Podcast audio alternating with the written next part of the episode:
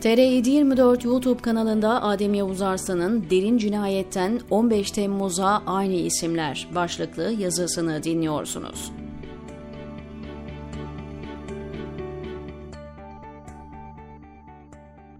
Siyasetin gündemi sıcak ve polemik konusu çok ama ben bu yazıda yine Necip Hablemitoğlu cinayeti ve 20 yıl sonra yazılan iddianamesine döneceğim. Çünkü söz konusu cinayet ve sonrasında yaşananlar aslında Türkiye'de yaşanan derin vesayetin en net örneklerinden. Düşünsenize ülkenin en bilinen akademisyenlerinden birisi sokak ortasında infaz ediliyor, aradan geçen süre içinde soruşturmada hiçbir ilerleme sağlanamamışken iktidarın siyasi ihtiyaçları doğrultusunda birdenbire bilgi belge yağmaya başlıyor. İddianame ise hem Ankara merkezli derin güç mücadelelerine hem de bundan sonra yaşanabileceklere dair önemli ipuçları içeriyor. Yaklaşık 400 sayfalık iddianameyi titiz bir şekilde inceleyip üzerine ciddi mesai harcadım ve ilk kez duyacağınız birçok detaya ulaştım. Dolayısıyla biraz uzun bir yazı olacak ama konu önemli. Her detay kritik ipuçlarına çıkıyor. Her şeyden önce şunu ifade ederek başlayayım kamuoyuna çok titiz ve disiplinli çalışan bir savcı olarak lanse edilen Zafer Ergün, tarif edilenin tam tersi bir iş çıkarmış. İddianame, Hablemitoğlu cinayetini aydınlatmaktan ziyade gerçek faillerin üzerini örtme ve siyasi iktidarın ihtiyaçları doğrultusunda yeni kurbanlar belirleme amacıyla yazılmış. Savcı ve beraber çalıştığı güç merkezleri kim olduklarını tahmin etmeniz zor değil, hayli titiz bir işçilikle kamuoyunu bir yere yönlendirmeye çalışmış.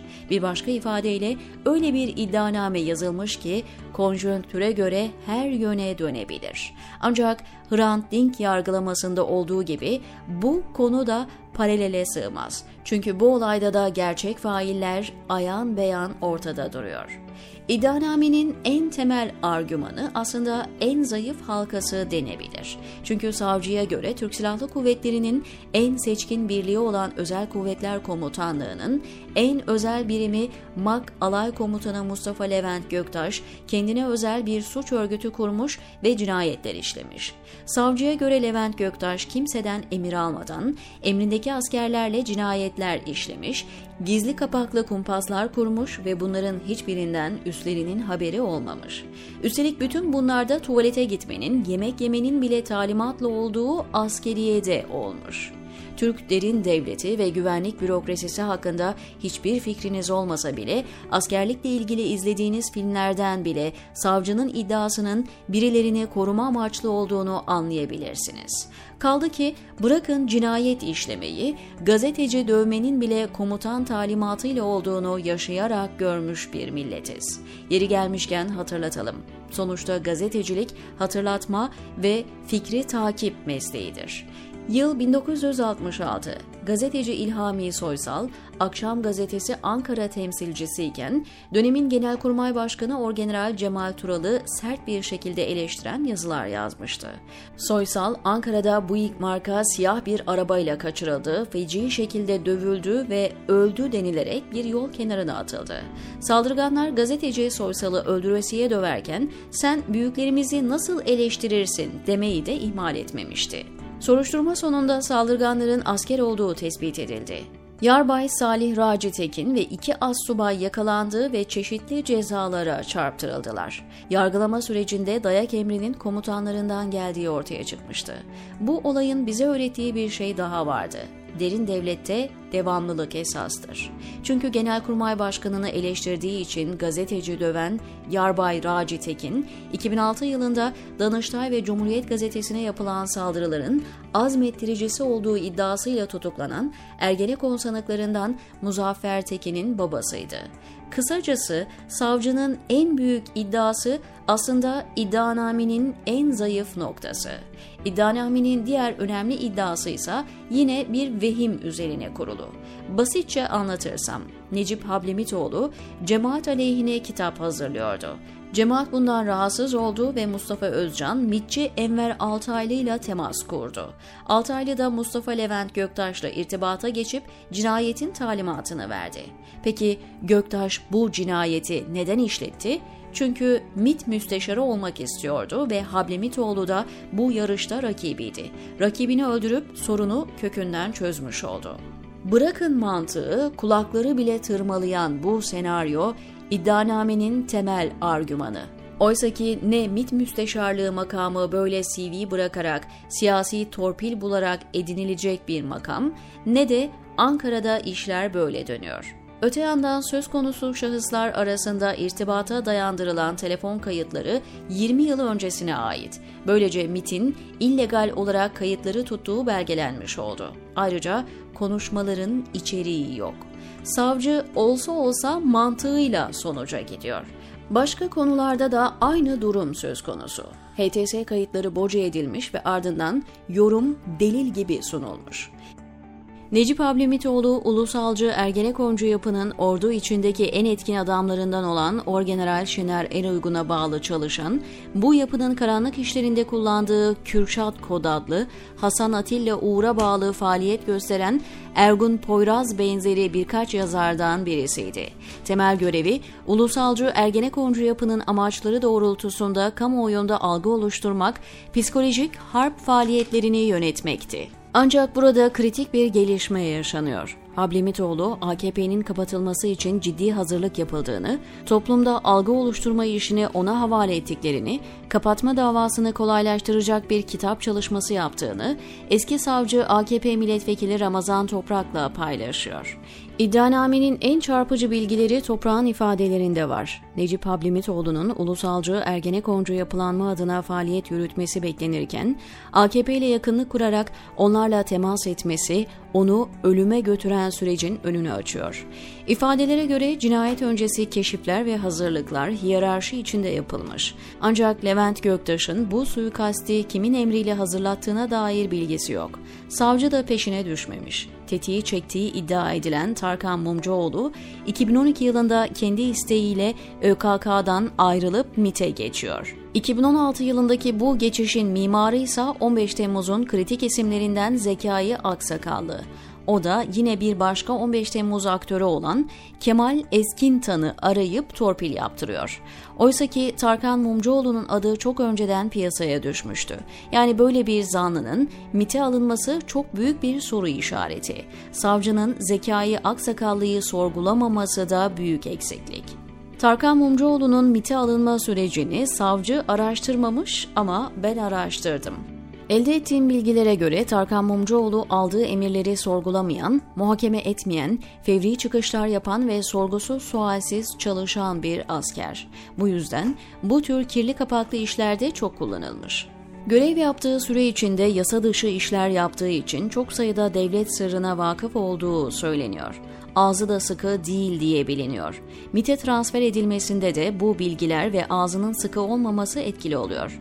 Tetiği çektiği ifadelere bile girmesine rağmen bu göreve getirilmesi bir nevi ödüllendirme olarak görülebilir. İddianamenin temel metni bir bakıma Nuri Gökhan Bozkır'ın ifadelerine dayanıyor. Bozkır ifadesinde Fikret Emek ve Tarkan Mumcuoğlu'nun cinayet öncesi silah depolarına gidip gelmeye başladığını anlatıyor. Burada çok kritik bir ayrıntı var. Çünkü o dönem Özel Kuvvetler Komutanlığı Lojistik Şube Müdürü 15 Temmuz'un en kritik ismi olarak karşımıza çıkacak olan Sadık Üstündü. Yine Bozkır'ın ifadesine göre o dönem depolarda kayıt dışı silahlar bulunuyordu. Bu nokta çok önemli çünkü 15 Temmuz akşamı kritik roller oynayan Sadık Üstün'ün geçmişinin de bu tip işlerle ilintili olduğu teyit edilmiş oldu. İddianame bize 15 Temmuz'un bir başka kritik ismi Kemal Eskintan'la ilgili de çarpıcı bilgiler veriyor. Tetikçi Tarkan Mumcuoğlu'nun MIT'e alınma sürecinde Zekai Aksakallı ile Kemal Eskintan irtibat kuruyor. Yani cinayetin tetikçisini Aksakallı ve Eskintan omuz omuza verip MIT'e yerleştiriyor. Her iki ismin de 15 Temmuz'da kritik rolleri olduğunu unutmamak lazım. Savcı en temel, en kritik isimleri özenle dosyanın dışına atmış. Necip Hablemitoğlu'nun en önemli haber kaynağı dönemin MIT İrtica ile Mücadele Daire Başkanı Tuğrul Kalaycıoğlu. Dahası Şengül Hablemitoğlu Tuğrul Kalaycıoğlu'nun Necip Hablemitoğlu'na yönelik açık tehditlerini ifadesinde anlatmıştı. Buna rağmen savcı Tuğrul Kalaycıoğlu'nu özenle dosya dışında tutmuş. Savcının en büyük eksiklerinden birisi de Nuh Mete Yüksel'i ifadeye çağırmaması. Nuh Mete Yüksel ve Necip Hablemitoğlu'nun birlikte yer aldığı projeler doğrudan bu dosyanın parçasıydı. Savcı Levent Göktaş'ın talimatıyla Ukrayna'ya gidip Nuri Bozkır'ı tehdit eden eski Ergenekon sanığı Levent Bektaş'ı da ifadeye çağırmamış. Savcı iş adamı İnan Kıraç'ı da özenle dosyanın dışına çıkarmış. Oysaki ifadeye çağrılması, sanık yapılması gereken isimlerin başında geliyordu. Sonuçta Levent Göktaş, onun avukatı ve onun ofisinden kayboldu. Dediğim gibi İddianame usta bir terzinin elinden çıkmış gibi hem gerçek failleri kapatıyor hem siyasi direktife göre fail üretiyor hem de sarayın canını sıkabilecek kişiler oyuna çekiliyor.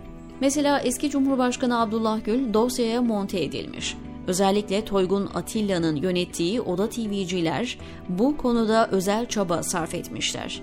Yani yarın bir gün Abdullah Gül sarayın canını sıkacak bir adım atacak olursa bir anda kendini sanık sandalyesinde görebilir. Öte yandan savcı adeta kambersiz düğün olmaz deyip Can Dündar ve Sedat Peker'i de dosyaya eklemiş. Ancak her ikisiyle ilgili iddialar da iddianamenin bütünü gibi delilsiz.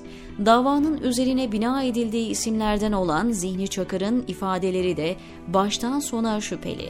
Kooperatif yolsuzluğundan hapis yattığı yönünde haberlerle gündeme gelen Zihni Çakır'ın anlatımlarında ciddi çelişkiler de var.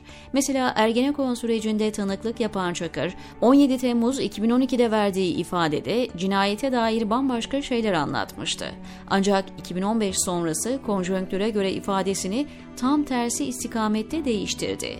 Ayrıca Fikret Emek ve Tarkan Mumcuoğlu'nun cemaatten olduğunu ima ediyor. Ancak en temel soru da burada karşımıza çıkıyor. Madem söz konusu isimler cemaatten, o zaman Mustafa Özcan ne diye Halil Şivgan üzerinden Ramazan Toprak, Aydın Köstem ve Levent Göktaş üzerinden uzun ve zahmetli bir yola giriyor? Doğrudan Emek ve Mumcuoğlu'na talimat verebilirdi. Kaldı ki her iki isim de cemaat düşmanlıklarıyla bilinen askerler. Bunun yanında Havlemitoğlu'nun cemaatle ilgili yazacağı kitaptan dolayı öldürüldüğü tezi de delillendirilmemiş. Kaldı ki kitapta yer alacak metinler zaten kitap yayınlanmadan Yeni Hayat dergisinde çıkmıştı. Dahası Gülen cemaatiyle ilgili yazılmamış hiçbir şey kalmamıştı. Kitap yüzünden hedef haline gelme birçok yönden ayakları yere basmayan bir teori. Fethullah Gülen ve Mustafa Özcan'ın adının eklenmesi tamamen sarayın politik çıkarlarıyla alakalı. İddianamede dikkat çeken noktalardan birisi de Nuri Gökhan Bozkır ve Nizamettin Afşar'ın her şeyi dün gibi hatırlaması. Her ikisi de 20 yıl önce olan olayları çok net hatırlıyor. Bu iki isim dışında kimse olayları bu netlikte hatırlamıyor. Her iki isim de ifadeleri çalışmış gibi. Aslında iddianameden notlara daha çok ek yapabilirim ama burada durup temel soruyu soralım. Siz bu iddianame ile Necip Hablemitoğlu cinayetini aydınlatmayı mı planlıyorsunuz? Yoksa Şengül Hablemitoğlu'nun dediği gibi leş pazarlıklar döndü ve iş cinayeti örtme üzerinde mutabakata mı döndü? Eldeki iddianame net bir şekilde ikinci seçeneğe işaret ediyor, diyor Adem Yavuz Arslan, TR724'deki köşesinde.